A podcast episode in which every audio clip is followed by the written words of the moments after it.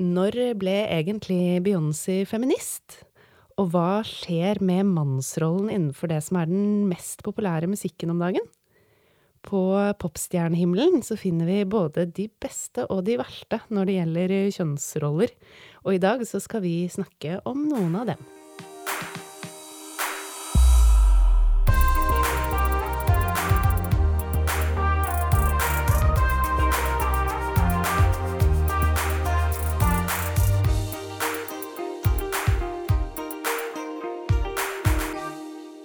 Beyoncé lar oss ikke være i tvil om at hun er feminist, men samtidig er hun del av en industri som fronter et skjønnhetsideal som ikke alltid er like kvinnevennlig.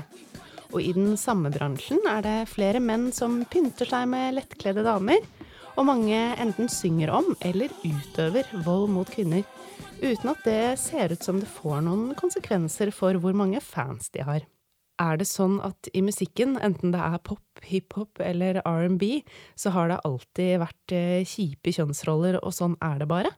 Eller er det noe som er i ferd med å endre seg?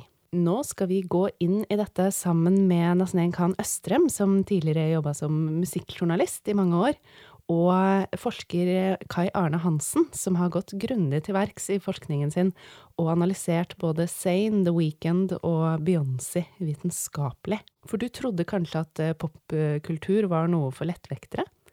Husk at det er noe vi forholder oss til hele tiden, nærmest enten vi vil eller ikke. Og det er der mange finner forbilder fra vi er ganske små, og da spiller det en rolle hva det er vi synger med og danser til, hvem vi ser musikkvideoene til, og hvordan vi forholder oss til det.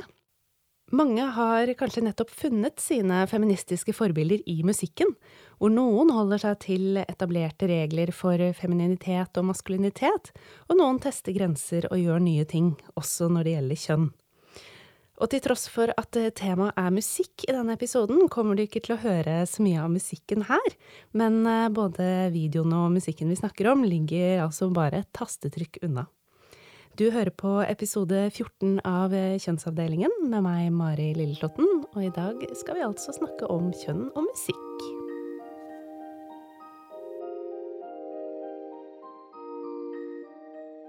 Da skal vi se litt nærmere på kjønn i popmusikken. Og vi skal konsentrere oss i dag om artister med masse fans. Både blant de som er yngre, og de litt mer voksne, sånn som vi som nå sitter her i studio. Nemlig Kai Arne Hansen og Nasnen Khan Østrøm. Velkommen til dere. Takk for det. Takk. Og aller først, dere har jo litt forskjellig tilnærming til eh, musikk. Nasnen, du kan veldig mye om musikk innenfor ulike sjangre. I dag så er du forlagsredaktør i Aschehoug, men på 90-tallet da var du musikkjournalist. Og en av få kvinner i den bransjen. Hvem var det du jobbet for? Nei, Opprinnelig så begynte jeg jo å um, skrive i en punkefanzine som kom ut midt på 80-tallet. Um, fordi jeg var veldig involvert i hele den undergrunnskassettscenen som uh, var en del av punken midt på 80-tallet. Um, og jeg, hadde jo, jeg, er jo opprinnelig fra England, så jeg hadde jo lest Enemy og Sounds og Melody Maker siden jeg var ganske ung, og hadde et voldsomt behov for å formidle den musikken jeg hørte på, fikk tak i når jeg var i London på ferie. Så da begynte jeg å skrive i absolutt musikk, og en av de få jentene som skrev der om forskjellige typer postpunkband i den perioden. Cramps og Free Johns og sånn. Og så, når jeg flyttet til Bergen for å studere, så begynte jeg å jobbe for Rock for Ordet og for Puls. Rundt 1990, da. Mm. Medier som vi ikke kjenner så godt til nå lenger, fordi Nei. de ikke fins, men som spilte en viktig rolle da. Ja, de var veldig viktige for alle som var musikkinteresserte, leste på en måte Puls og Rock for Ordet. Det var en helt sånn Bibelen mm. for norske musikkinteresserte. Mm. mm. Jeg skal komme litt tilbake til hva du faktisk skrev om, men eh, du Kajerne, du har en litt annen tilnærming, for du er jo akademiker og forsker innen musikkvitenskap med et feministisk eh, akademisk perspektiv. Så hva er det du ser på når du eh, nærmer deg popmusikken? Ja, jeg jobber innenfor feltet eh, kritisk musikkvitenskap, og tar en tverrfaglig tilnærming til å forske på populærmusikk, da først og fremst. Der jeg bruker mye perspektiver fra kjønnsforskning, mediestudier, sosiologi, filosofi osv. Så, videre. Så jeg er veldig opptatt av å ta et helhetlig perspektiv på musikkopplevelsen, og ser mye på hvordan artister konstruerer sin identitet gjennom ulike virkemidler, som eh, detaljer i musikken, bildebruk i musikkvideoer, på sosiale medieposter og intervjuuttalelser. Og så ser jeg mye på hvordan alle disse symbolske fragmentene kommer sammen i lyttere, fans og for så vidt også forskere og andre artister sin opplevelse av musikken. Ja, ikke sant. Og i dag så skal vi jo da se litt nærmere på kjønnsrollene som finnes i popmusikken. Litt sånn hva som er, og hvorfor det er sånn, og kanskje også hva hva det betyr, de kjønnsuttrykkene som vi ser. Eh, og så skal vi lete litt etter feminisme også i mainstream-popmusikken. Eh, Men eh, hvis vi skal se litt bakover først Altså, hva slags roller har vært tilgjengelige for menn og kvinner innen popmusikken? Jeg tenker det handler litt om hvilken historiske kilder man uh, graver i. Um, jeg er jo veldig interessert i det som i den fellesbetegnelsen svart musikk. Um, og jeg slutter aldri å overraske meg over hvor mange driftige afroamerikanske kvinner som har eksistert. Um, som sangere, som artister, som låtskrivere. Så jeg tenker at uh, det finnes veldig mange der ute, men man hører veldig sjelden om det, med mindre man er på en måte spesielt musikkinteressert. Eh, men dagens, veldig mange av de dagens eh, afroamerikanske eh, kvinneartister er jo de er jo født ut av en tradisjon eh, som jeg syns er litt viktig å, å, få med seg når man legger sin elsk på Beyoncé, så står hun i voldsom eh, takknemlighetsgjeld til generasjoner før henne, for å si det sånn. da. Så rommet har vært egentlig ganske stort, men kunnskapen har vel vært mindre. Mm. Noen har syntes bedre enn andre. Ja. Det tror jeg nok er ganske riktig. Eh, det er et veldig stort mangfold av eh, både musikere og også andre aktører innenfor musikkbransjen som er kvinner, produsenter, lydteknikere. Men selve diskursen rundt populærmusikk, og særlig popmusikk, da, handler jo først og fremst om kvinner som sangere, som kanskje hadde vært de mest synlige. Det henger jo også litt sammen med et syn på popmusikk som feminin, i den forstand. Der som også da omfavner også de mannlige artistene innenfor popsjangeren, som også gjerne da er sangere, først og fremst, eller iallfall blir sett på som sangere. Ja, og det er jo forskjell på hvem man ser og hvem som er i kulissene og sånn også. Altså det med arbeidsoppgavene er jo eh, også noe som ofte er kjønna, og når man ser på kjønnsbalanse, så er det jo ofte mange menn i deler av produksjonsleddet som ikke synes like godt som de som står på scenen, f.eks. Men, eh, men ikke sant, sangere. De har jo også vært eh, fans, og det er jo også noe med Du snakket litt om sant, popmusikken som feminin. Også kanskje retta mot eh, kvinnelige fans, eller? Ja, det er veldig tydelige diskurser rundt sjangere i forhold til uh, kjønn, som ikke bare går på hvilke type artister som uh, spiller disse sjangrene, men også publikum. Popmusikk er jo da en sjanger som gjerne blir sett på som feminin, også fordi den blir knytta til et ungt kvinnelig publikum. Dette ser vi tilbake til The Beatles, for eksempel, der deres publikum gjerne ble fremstilt som primært ungt, hysterisk og kvinnelig. Det er jo ikke ensidig slik i virkeligheten på noe som helst måte. Men disse diskursene og disse stereotypiene er veldig kraftfulle og har ganske stor påvirkningskraft over hvordan vi tenker om musikk i det daglige. Mm. Eh, Nasneen, du, du, skrev jo, som du sa, mye om, eh, om, punk og om en del undergrunnsmusikk. Men eh, du var jo også opptatt av det som rørte seg litt mer i mainstreamen. Men hvordan var det å, å lete etter feministiske prosjekter eller sterke kvinner? Du sa jo i stad at hvis man leter, så, så, er de jo der. Men hvor fant man det da du skrev mest om musikk på 90-tallet? Altså Nå var jo jeg heldig siden jeg hadde vanket i post-punk-miljø og med masse punkere. Og punken var jo et sted hvor kvinner virkelig kunne oppfinne seg sjøl, um, og brøt veldig dramatisk med, med på en måte 50-60-tallets feminine prosjekt. Så var jo ikke femininitet noe som på en måte ble vektlagt blant, blant Hvis du ser på bilder av The Slits, eller du ser Chrissy Hind, og du ser disse um, X-Ray Specs, du ser disse jente, jentebandene, for å bruke sånt uttrykk, fra, fra 70-80-tallet innenfor punken, så var de veldig opptatt av å pushe grenser for hva som var akseptert for en kvinne eller ikke. Altså, jentene spyttet, de gikk med overdrevet sminke, de hadde revne klær. altså De bare virkelig viste fingeren til alle sånne feminine på en måte krav. Og det var en utrolig frihet, i hvert fall for, for meg som var ung på den tiden, å kunne vite at jeg kunne gjøre hva jeg ville. Jeg kunne gi faen. Jeg kunne gå med revne strømpebukser, og dette var min liksom, fuck you til samfunnet. Så det var en utrolig frihet der. Men så på den tiden og på 90-tallet så fikk du, du fikk jo grunchen eh, og riot girl-bevegelsen, som også viste på en måte vil si fingrene til det, det konvensjonelle eh, måten man skulle være kvinne på. Um, men samtidig så så jo du at mainstream-kulturen hele tiden omfavnet det om, opprøret som kvinnene i undergrunnen representerte.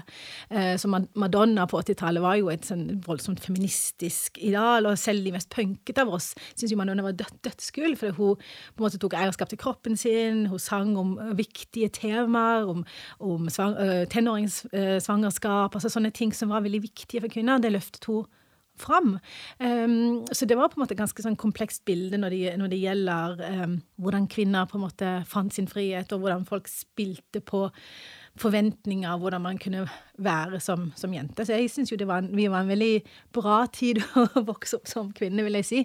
Uh, selv om det var jo Jeg skal ikke underspille uh, det faktum at å være kvinnelig musikkjournalist i et veldig mannsdominert musikkindustri var jo ikke bare bare. og det var jo, Men jeg husker jeg så L7 på Hulen, og liksom de sto der uten BH, og det var tamponger, og det var, altså det var, jo, det var jo, så fantastisk. Og guttene visste jo ikke hva de skulle gjøre av seg når de så kvinner oppføre seg på den måten. Så kontrastene var store, det vil jeg si. Mm. Men eh, du, du, sier jo at det var liksom ikke bare bare å være kvinnelig musikkjournalist i en sånn mannsdominert eh, industri, men var det noe Altså var, var, du opptatt av andre ting da enn de mennene var opptatt av, eller var det, var det din rolle å løfte frem kvinnene, tenkte du, eller? Nei, altså det er jo liksom som Kajane sier, at man var jo først og fremst en fan, ofte mm. i, i, i, gutters øyne. Eller så var man veldig stor grad en groupie. Hvis man hang backstage, så var man groupie. Man var redusert til det.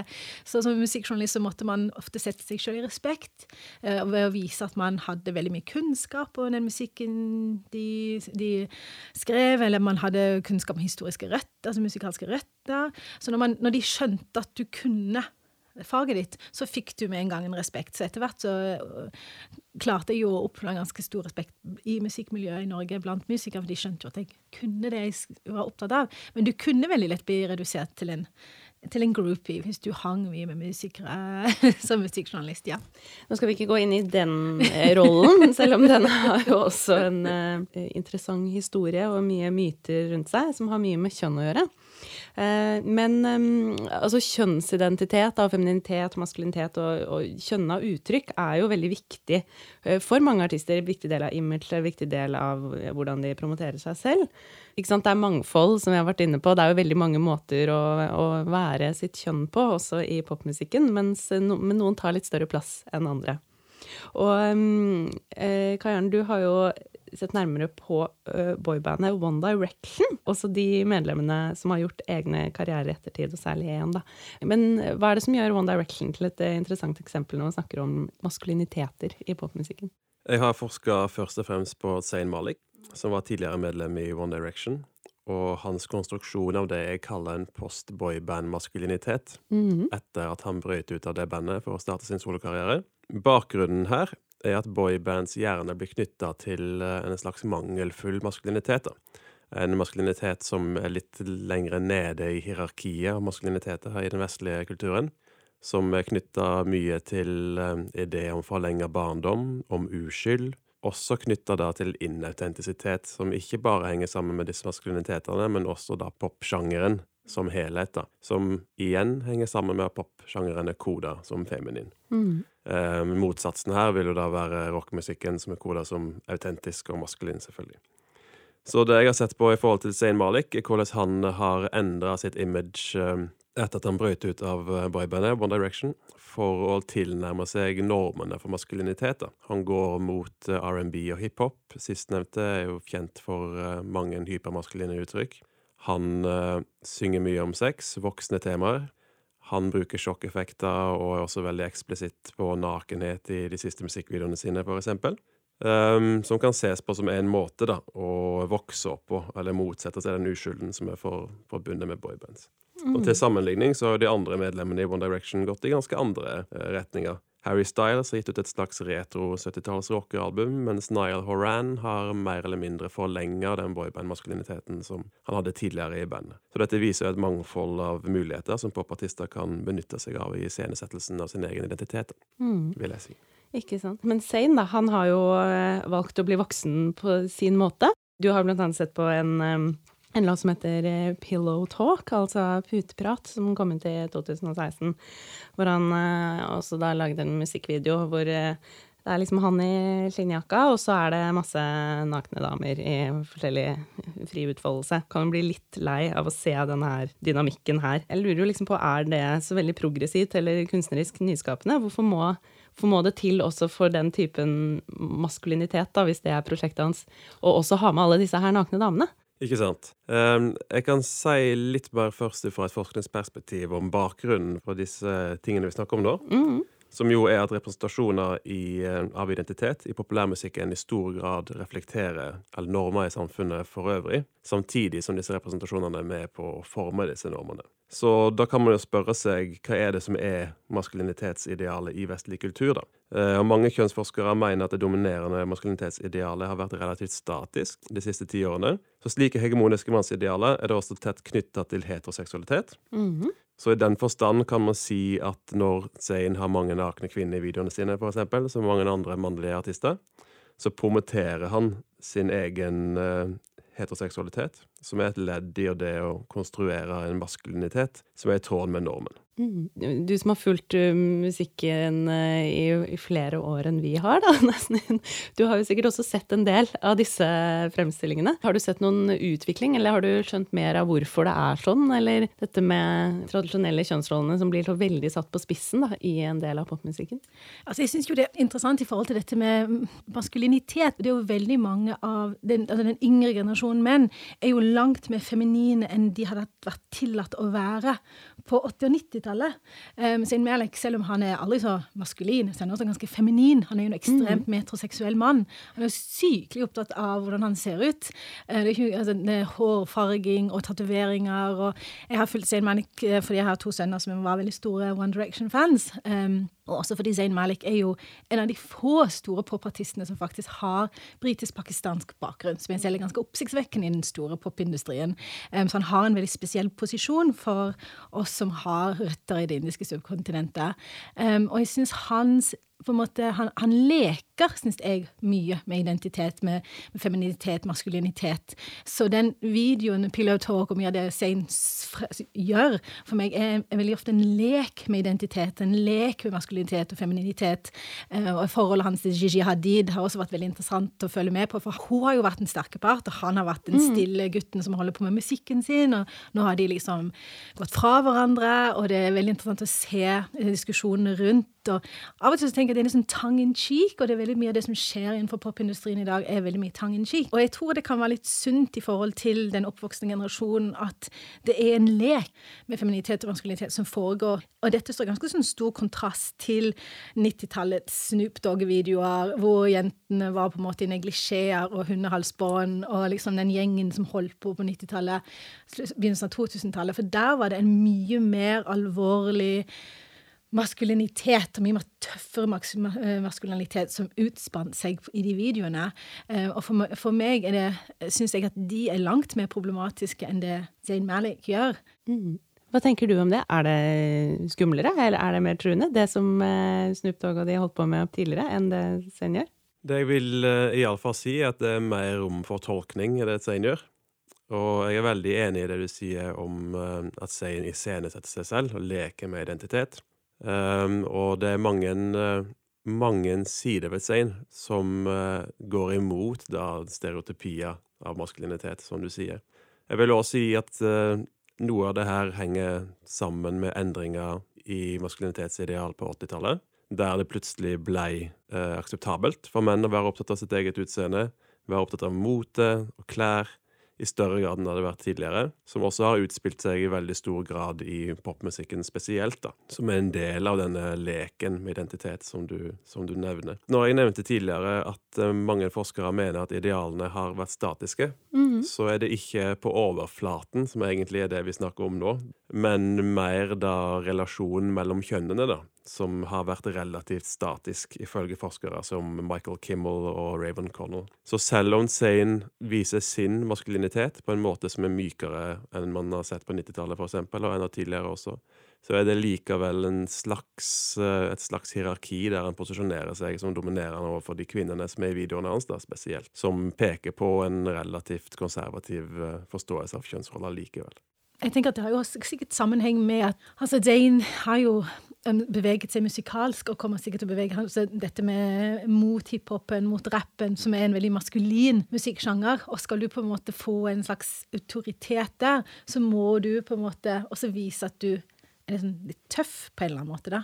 Og, det, og der kommer veldig ofte disse tradisjonelle kjønnshierarkiene som hiphopen er dessverre veldig, godt, veldig kjent for. Mm. Um, heldigvis ser vi jo en viss utvikling der. Jeg ser jo at Kendrick Lamar er jo en posterboy nå for, for, for rappen, og jeg tenker at han har en del holdninger som er langt mer sånn progressive enn det vi har sett fra en del av de andre store rappartistene før.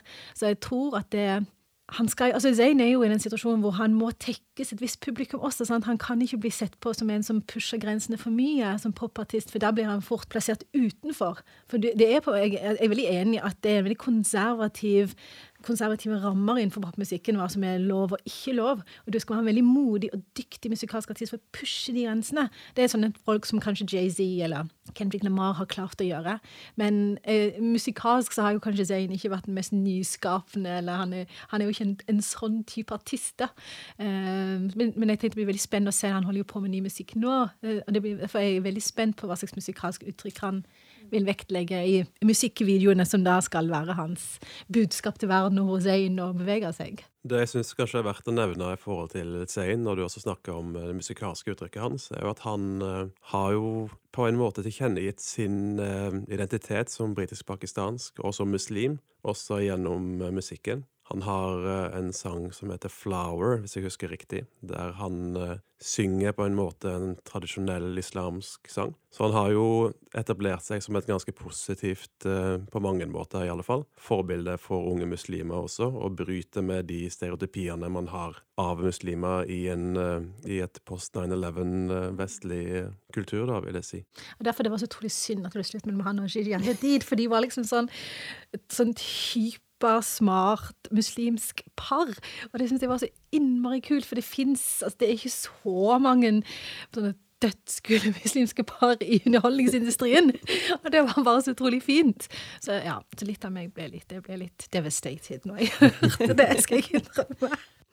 Men hvis vi skal over til en annen som er eh, både litt sånn pusete og, og R&B-aktig, men også ganske tøff, og synger om eh, mørke temaer eh, som dop og sex og vold, da, så har du også studert The Weekend nærmere. Men der er det også en del liksom urovekkende elementer. Vil du fortelle litt mer om hva man kan se i musikkvideoene hans? The Weekend er jo litt på samme måte som Nazneen snakker om Zain. Så er The Weekend en mann som på en måte fremviser en litt mykere maskulinitet. Han synger veldig forførende og lyst og vakkert, på samme måte som Zain. Men i en del av musikkvideoene hans, så, og tekstene for så vidt, så er det en del problematiske elementer som jeg har eh, sett på i min egen forskning nå nylig. Det har først og fremst eh, fokusert på estetiseringen av vold, da. Mm. Så jeg har eh, analysert blant annet en video som heter Pretty fra 2013 der uh, vi ser The Weekend som hovedpersonen skyte den utro kjæresten sin og elskeren hennes. Den drapsscenen er veldig stilisert. Blir trukket ut i nesten et minutt, med slow motion-effekter og uh, panorerende kamerabruk, så det blir gjort veldig vakkert, på en måte, denne grufulle handlingen, og presenteres jo da som kunst. Mm. Så dette er jo da et problematisk scenario, som glamoriseres, vil jeg si der The Weekend som drapsmann fremstilles som helten, og den har sin parallell i den virkelige verden, der lignende former for eh, hevnkriminalitet og æresdrap i overveldende stor grad rammer kvinner da, på global basis. Så For å kort vende tilbake til tidligere nevnte Connell også, så argumenterer hun for at hegemoniske former for maskulinitet de tilegner seg makt ved å frata andre makt. Og Sett fra det perspektivet kan man si at The Weeknd sin estetisering av vold i musikkvideoer som Pretty på den ene siden er med på å konstruere hans maskulinitet som sterk og dominerende, farlig og interessant samtidig, og på den andre siden videreføre bildet av kvinner som ofre. Men det er jo helt ekstremt. Står det så dårlig til med maskuliniteten, liksom? At man må vise den frem på den måten?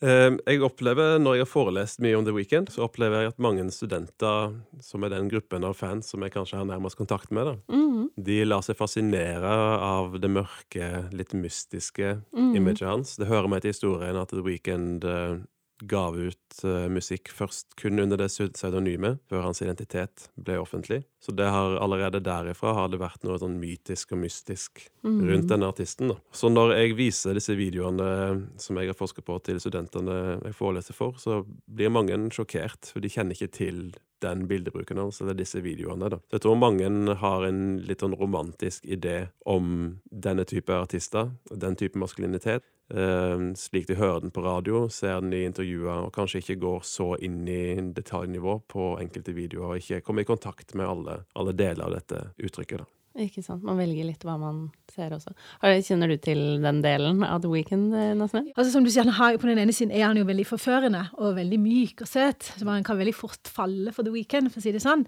Eh, men jeg tenker at hans maskulinitet går jo inn igjen i en større historie med R&B og rappartister som har disse mm, ofte problematiske videoene. Jeg sitter ofte og ser på musikkvideoer sammen med sønnene mine, og veldig ofte så blir jeg ofte litt sånn irritert midtveis. Og så sier jeg må vi sitte og se på dette? Må vi sitte og se på dette? For jeg har jo ikke lyst til å fylle de unge sinnene deres med disse bildene, merker jeg. For det får jo en veldig eh, destruktiv eh, innvirkning på dem. Men de, de løper jo til mobilen sin og ser, sitter og ser på musikkvideoen på rommet sitt uansett. Uansett hva mamma sier. Og i hvert fall når mamma sier at må vi se på dette, så skal de i hvert fall se på det. Så det er jo en interessant eh, Det ligger et slags opprør som jeg ikke helt klarer å forstå i det, samtidig som han da går jo rett inn i den i, i rappestetikken, sånn, som handler veldig mye om kvinner som underordnet og menn som dominerende um, i, i, relasjon, i, disse relasjonene. Så det er jo veldig problematisk. Men hele, hele mye R&B og hiphop-kulturen handler veldig mye om veldig kompliserte kjønnsroller uh, når det gjelder menn og kvinner. Og jeg husker når jeg skrev og jobbet med hiphopen og rappen i, på 90-tallet, så var det veldig interessant å lese veldig mye om afroamerikansk kultur. Og jeg gikk jo så langt tilbake til forfatteren av The Pimp, en sånn uh, Iceberg Slim. Han var en av de første afroamerikanske forfatterne som skrev om livene til afroamerikanerne i storbyene. Og det var Kvinnene var enslige mødre, de var prostituerte, og mennene var, gikk inn og ut av fengsler, og det, mye, og det, var mye, fedre som ikke var til stede. Så det måte, det ligger en sånn kulturhistorie i her, som, som, på en måte fargelegger rapp og, rap og R&B-estetikken, som er bare sånn greit å ha med seg i bakhodet. Mm. Um, men jeg syns ikke vi kan Hvis man skal diskutere hvem som er verst og sånn, så finnes jo jo det noen som er mye, mye verre enn en weekend på en vis, når det gjelder måter å, å, se kvinner på. Altså En av de store heltene for tiden har jo vært han XXX Tentation, som har jo vært inne, for, inne i fengsel for, for battery.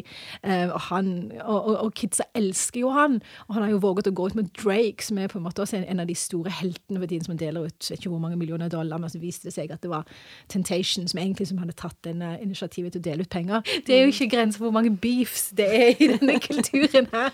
Nei, og den ene er verre enn den andre. Um, det er interessant at ja, du nevner Vi skal ikke spekulere i hvem som er verst. Si.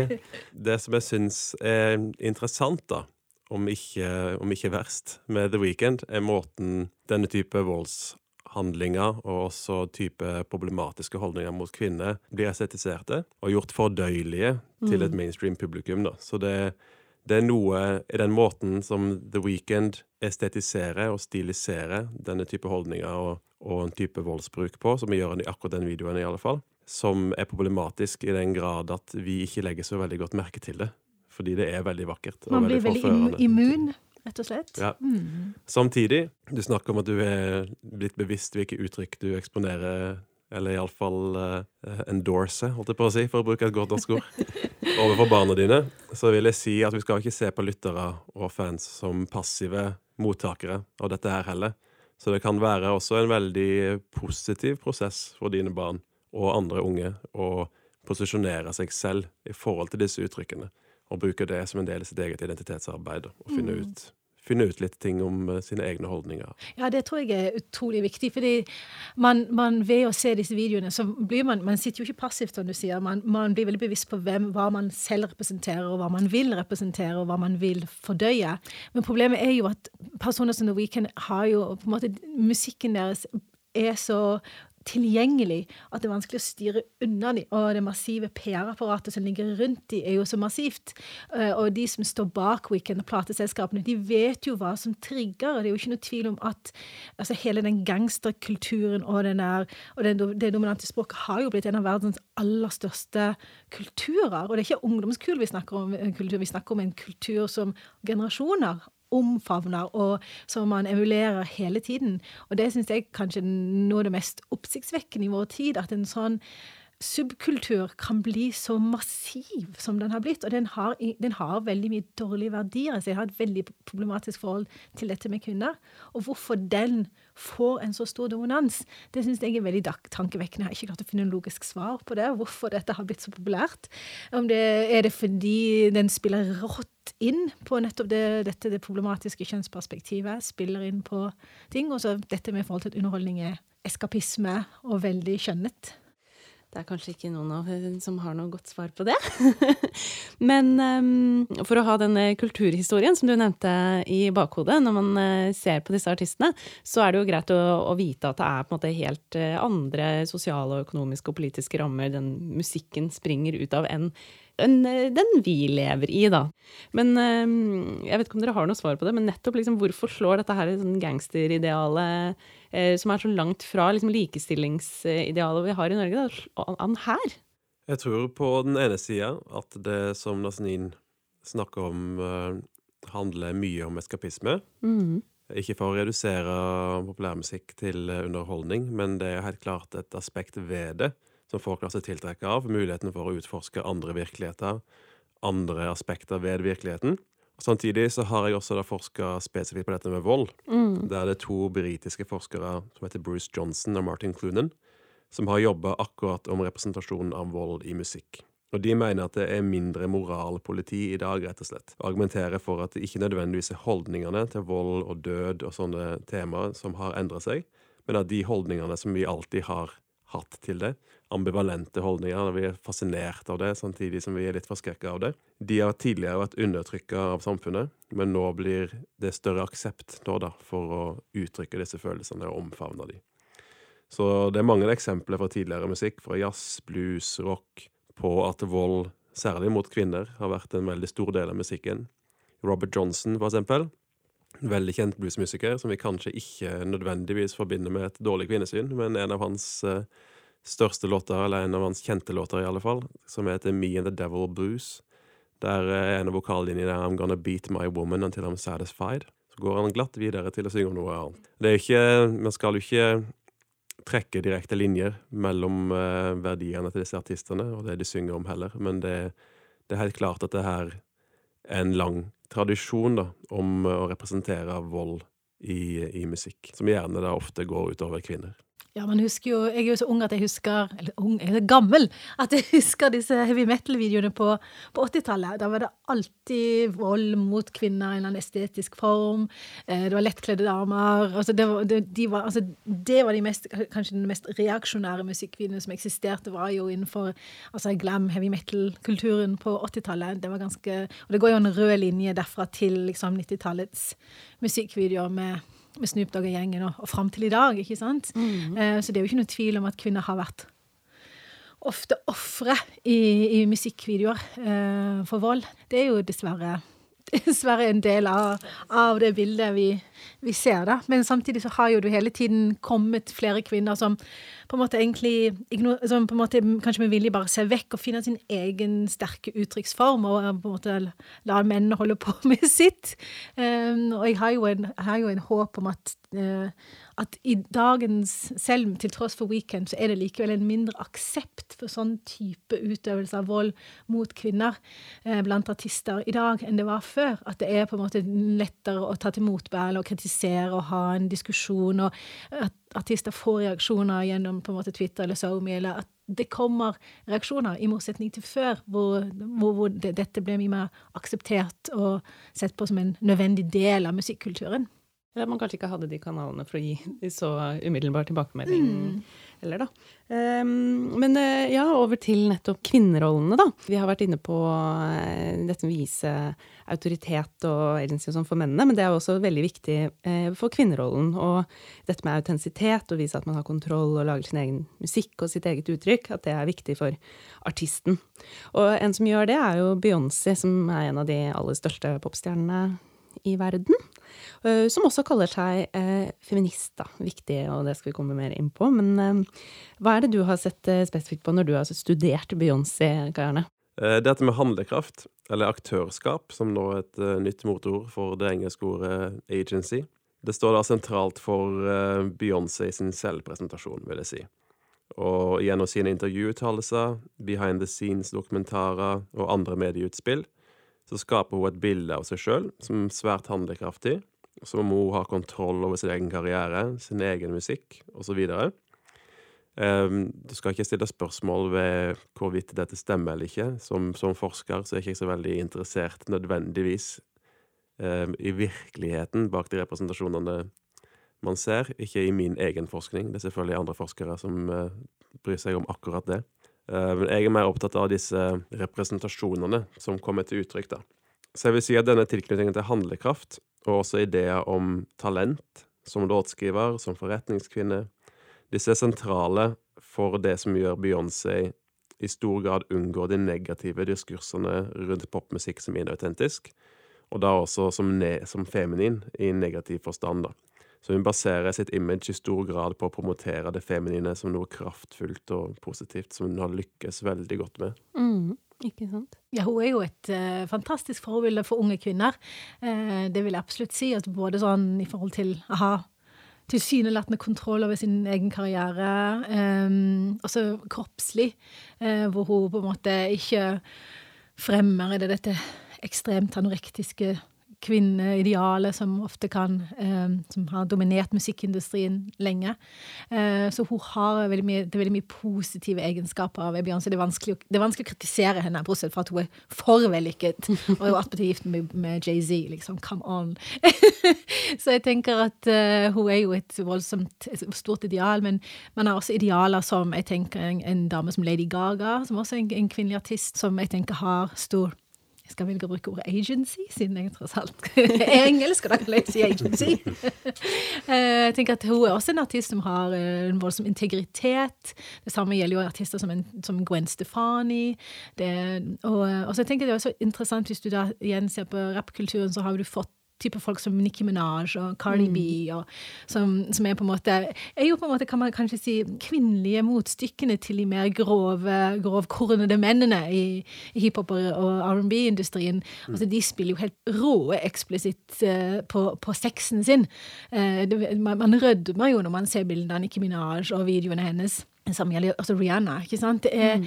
disse også kvinner som er veldig sterke, som har fullstendig kontroll over seksualiteten sin. Um, og Cardi B, som har vært stripper, veldig åpen om det. At, hun hadde, at det var strippingen som hjalp henne ut av økonomisk uføre. Dette er også kvinner som ikke er så rene som Beyoncé, for hun er jo nesten litt sånn guddommelig, nesten, for hun er så perfekt. Mens du har Cardi Bida og um, Nick Minaj som kjører et veldig mye mer sånn pornografisk, estetisk image. Som sikkert mange foreldre syns er litt mer vanskelig å svelge enn da Beyoncé. Men jeg syns begge kvinner har, altså alle disse kvinnene har nettopp det unike ved seg at tilsynelatende har veldig sterk kontroll over karrieren sin og spiller på sex sånn som de selv vil. Mm. Eh, og det syns jeg er dødskult. Og igjen kan jeg se det i det, på en måte linjene til punken, ikke sant? hvor du hadde veldig mange, mange rå punkedamer som også spilte ganske rått på sex, som Wendy Williams og sånne ting. Så det, er, det finnes mange bra damer som tar kontroll over sin seksualitet på ulike vis. Mm. Men uh, hvis jeg skal være litt uh, kjip, da, så, syns, så er jo sex sex og porno er porno, liksom. Altså i både de du nevner og hos Beyoncé, så er det jo Altså hvor går grensen mellom en musikkvideo av Beyoncé og uh, mykporno, liksom? Det er jo vanskelig å, og av og til se helt forskjellen.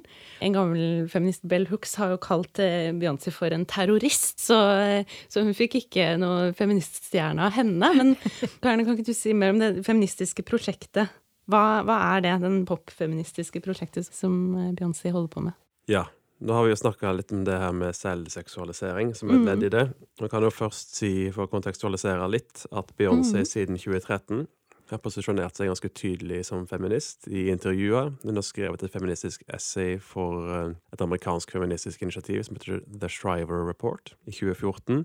Hun har blant annet sampla det feministiske forfatteren Chimamanda Adichie i låta sin 'Flawless', eh, da fra TED-talken til eh, Adichie som heter 'We Should All Be Feminists'. Jeg vil si at den handlekraften som Beyoncé assosieres med, som også er en stor del av den eh, feministiske posisjonen som hun tar, den er sentral for uh, måten hun spiller på sex på i sine musikkvideoer. da. Noe hun jo gjør på relativt likt vis som mange andre artister, men som blir mottatt på en litt annen måte der mange kvinnelige artister blir kritisert for måten de spiller på sex på, så blir Beyoncé hylla for det, mm. som et ledd i frigjøring. da. Så Beyoncé sin selvseksualisering er knytta til en idé om selvstendighet, om retten til å råde over sin egen kropp, og ideen om et opprør mot kontrolleringer av kvinnelige seksualiteter som har vært eh, ganske sentral i da, den patriarkalske vestlige kulturen. Så Disse ideene kan også ses i sammenheng med utviklinga i kvinnekamp, eller feminisme mer generelt, som tidligere kanskje ble sendt på som et mer kollektivt prosjekt. Mens de siste tiårene så har ideer om individualisme, om frihet til å uttrykke seg, blitt mer sentrale da, i det feministiske prosjektet. Og Beyoncé kan ses som, uh, som en del av denne utviklinga. Du nevnte òg at uh, det potensielt problematiske aspektet mm. ved Beyoncé sin posisjonering som feminist. Mm. Du nevnte Bell Hooks, som eh, i et seminar i 2015 eh, kalte Beyoncé for antifeministisk. Og det hun da viste til, da, er den seksualiserte estetikken som Beyoncé bruker i musikkvideoene sine. Og jeg har sjøl forska på dette, særlig da musikkvideoen Partition fra 2013. Og det jeg finner, er at hun bruker en rekke audiovisuelle teknikker, altså manipulering av lyd og bilde, som føyer seg inn i en ganske lang tradisjon av kvinneobjektifisering. Et annet aspekt ved den videoen er jo at den eh, foregår i en strippeklubb, mm. primært. Og da har du dette med striptease-estetikk, som har blitt veldig fremtredende i eh, populærkulturen, i både filmer og i musikkvideoer. Men slik estetikk har eh, en parallell, da, eller røtter, i en mindre glamorøs og utnyttende kontekst i det virkelige liv. Og jeg tenker da på sexarbeid, strippeklubber osv. Og, og jeg vil si at det i stor grad er Beyoncé sin privilegerte posisjon som mm. popartist. Det er altså denne privilegerte posisjonen som tillater hun å bruke slike seksualiserte bilder til sin fordel. Så man kan si også at det er popsettingen også som gjør at vi på en måte godtar dette i større grad enn vi kanskje ville gjort ellers. Vi er blitt veldig vant til å se seksualiserte kvinner i pop. Mens kvinner som bruker denne type antrekk, denne type estetikk, og fremhever sin seksualitet på samme måte som Beyoncé gjør i vanlige sammenhenger, vil kanskje bli møtt med mye negativ oppmerksomhet. Mm. Ja, så det er eh, pakka, liksom. Altså sånn hun har satt seg i en posisjon som gjør at hun også kan bilde på sex på den måten som hun gjør. Jeg tenker Dette med strippestetikken i seg selv har jo vært et tema som mange har diskutert gjennom mange år. Altså fordi det er ikke noe tvil om at amerikanske kvinner og stripping har vært noe som veldig mye europeiske feminister har vært veldig skeptiske til den amerikanske strippekulturen. Men det har jo også vist seg gjennom en del forskning at eh, amerikanske kvinner, fattige amerikanske kvinner, så har strippingen vært den eneste muligheten til å tjene penger, eh, hvis ikke de ville jobbe på McDonald's eller andre steder. Og Martin Bjørnersen i Klassekampen skrev jo en ganske stor artikkel fra Atlanta eh, om strippeklubbene, fordi det er jo fra strippeklubben i Atlanta hvor den nyeste rappen kommer. altså Migos er jo på en måte et eksempel på nettopp den type musikk som kommer derfra. og det, Jeg tror ikke det er tilfeldig at Cardi B og han ene som heter Offset i Migos er sammen. så jeg tenker at ved å også bruke stripping, så, så er jo på en måte hun gir en sånn nod til uh, en, en, amerikansk kvinnekultur også, som er en veldig stor del av uh, fattige amerikanske kvinners liv. Um, så man kan, ja, jeg kan, jeg kan, skjønne kritikken til Bell Hooks, men jeg syns også det ligger en anerkjennelse i, den, uh, i, det tøffe livet som fattige amerikanske kvinner lever, um, og har begrensede muligheter for å klare seg. Og strippeestetikken har jo blitt en del av amerikansk populærkultur. Um, den har jo lang, igjen lange tradisjoner. Eh, men jeg tenker at det er interessant uh, i forhold til uh, Beyoncés bruk av stripping. Den, den, kommer jo fra et sted. Og så er det på en måte da er jo dette her, Og så handler det jo veldig mye om venstresidens feminisme versus dette man sier om individuelle versus det kollektive, mm. som står litt i spenn her. Fordi det har skjedd store endringer innenfor den feministiske diskursen. Hvor du har på en måte høyrefeminismen og venstrefeminismen. Mm. Bell Hooks er jo definitivt en representant for den eldre kollektivistiske feministgarde. Så jeg kan se for meg at uh, Beyoncé blir en rød klut i hennes, foran henne.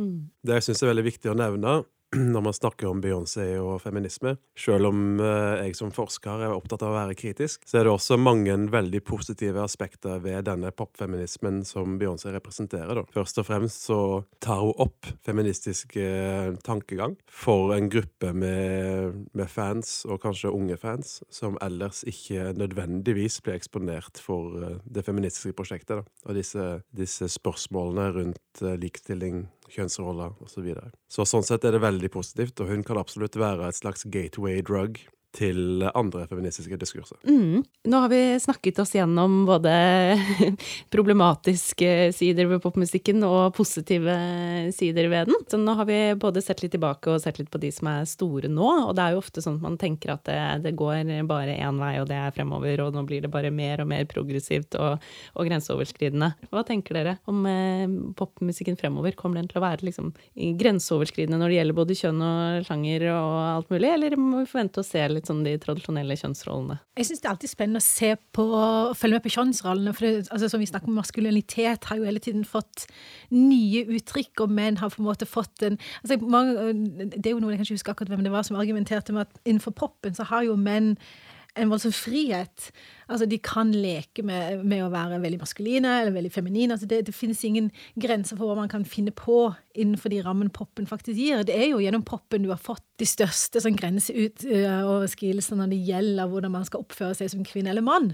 Um, en sånn type sånn som så Justin Bieber, han er jo en ganske feminin fyr. ikke sant? Han er snill, og han er søt. Prøver å være litt sur nå. litt sur nå. Men jeg tenker at det, fin, det, det, finnes jo hele tiden liksom, innenfor poppen så finnes det folk som, som skubber grensene grensene. Hvilke grenser som blir skubbet, og hvor de tar oss hen.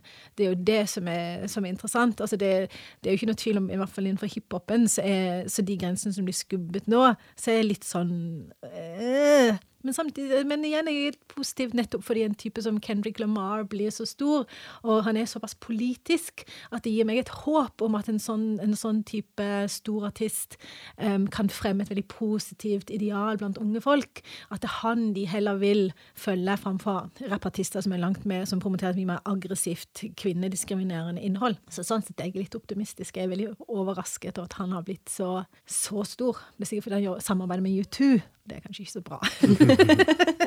kan bare spekulere. Jeg vil jo si, med tanke på um, Du snakker om utvikling. Mm. Jeg er litt skeptisk til å tenke på utviklingen i lineære termer. Man snakker jo gjerne om at ting blir bedre hele tida. Det gjør ikke nødvendigvis det. Det er mange eksempler på artister for 40-50 år siden som var mer grensesprengende på mange måter enn de vi ser i dag. David Bowie er et veldig tydelig eksempel, som lekte med seksualitet på en måte som vi sjelden ser hos artister i dag. Han var, sa jo sjøl at han var den første som kom ut av skapet som heteroseksuell etter at han hadde påstått at han var homoseksuell og biseksuell. Så han lekte mye med dette som et uttrykk, da, som også han brukte mye i musikken sin. Og Boy George fra Culture Club, hvis du husker han.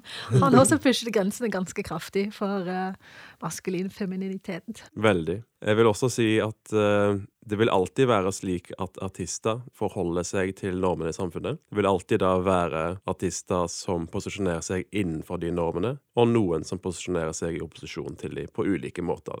Men du har jo en sånn artist som Cezinando, som er veldig fascinerende. Han er jo en veldig myk artist, eh, samtidig som han har litt det tøffe, guttete ved seg samtidig. Så han, og han er jo veldig stor, så han mm. representerer, mm. sammen med Lars Vaular Både Cincinnati og Lars Vaular er jo en er interessante artister fordi de pusher grenser for hva som er egentlig er akseptert innenfor hiphopen. Så jeg tenker at det er veldig, for meg er de veldig kule artister. og så har du hun som er med Vidala med bangshot. Hun også representerer en sånn maskulinitet, maskulinitet i gåsetegn innenfor det som er lov for kvinner. Hun er jo beintøff. Så jeg tenker at det er noen interessante ting innenfor, innenfor norsk hiphop som, som skjer, som jeg syns er veldig gledelige. Om det er bra at det finnes en sang som heter Bangshot, og en kvinne som skriker det, det er jeg litt usikker på. Men det er i hvert fall, hun, hun, hun våger å ta plass, eh, og det syns jeg er veldig kult. Og at du har Lars Vaular som synger om papparollen og ikler seg veldig feminine klær av og til syns jeg er veldig kult. Mm. Du nevner det med å utfordre kjønnsroller og sånt, også henger sammen med å utfordre sjangerkonvensjoner. Det kan også gjøres musikalsk. Jeg har forska på en artist som heter Celia Banks, eh, som havner litt under mainstream pop-sjangeren, og også litt under det man kanskje kan kalle queer hiphop. Eh, og litt av det som gjør hun interessant, som eh, utfordrer innenfor hiphop-sjangeren, da, er både hvordan en utfordrer ideer om kvinnelighet innenfor hiphop, men også hvordan en utfordrer musikalske elementer i hiphopen. Hun har tatt inn mye fra house og EDM og en del andre som Caribbean-sjangre og sånne ting, og har veldig eklektisk musikkstil. Som er på en måte med på å undergrave det statiske idealet som har vært i hiphop ganske lenge. Det har selvfølgelig vært en utvikling der, men uh, dette her med det eklektiske har ikke vært så til stede i hiphopen. da. Så Det ser vi også i mainstream popen, vil jeg si. En økende eh, lek med sjangeruttrykk. Jeg vil si at mainstream popen har utviklet seg i retning av at man bruker stilistiske uttrykk, både visuelt og musikalsk, fra hiphop, rock, R&B, på en helt annen måte enn man kanskje gjorde tidligere. da. Ja, Så får vi se om de da fortsetter med det, å overskride og blande, eller om det kommer sånn eh, bølge hvor man bare må gjøre alt sånn som i gamle dager igjen. Men eh, nå har vi kommet gjennom eh, så mye og eh, lært veldig masse om eh, kjønn i musikken, så takk for at dere kom og opplyste meg i hvert fall litt om det. Eh, Nasneen og Kajane, tusen takk. Takk skal du ha. Takk. Hvis du hørte noen navn du ikke kjenner til i løpet av dette intervjuet, så kan du gå inn på kjønnsforskning.no og finne en artikkel om denne episoden. Så står eh, de fleste nevnt der et sted. Der kan du også lese mer om kjønn og musikk, eksempel mer om Lars Vaular som ble nevnt her, i artikkelen Kred å være queer i norsk musikk. Så er det jo veldig mange som både er eksempler på reaksjonære kjønnsroller, eller som utfordrer dem, som vi ikke har snakket om. Men eh, som Nasneen og Kai sa, så har det alltid vært grenseoverskridende musikere. Det handler bare om å lete, gjerne litt under overflaten. Denne podkasten er laget av kilden kjønnsforskning.no i samarbeid med Ology Studio. Husk at du kan følge både Kjønnsavdelingen og Kilden på Facebook og Instagram. Og nøl ikke med å fortelle folk du kjenner om denne podkasten. Mitt navn er Mari Lilleslåtten, og til slutt skal jeg takke Fritt Ord for økonomisk støtte. Og så er vi tilbake med en ny episode om ikke så lenge.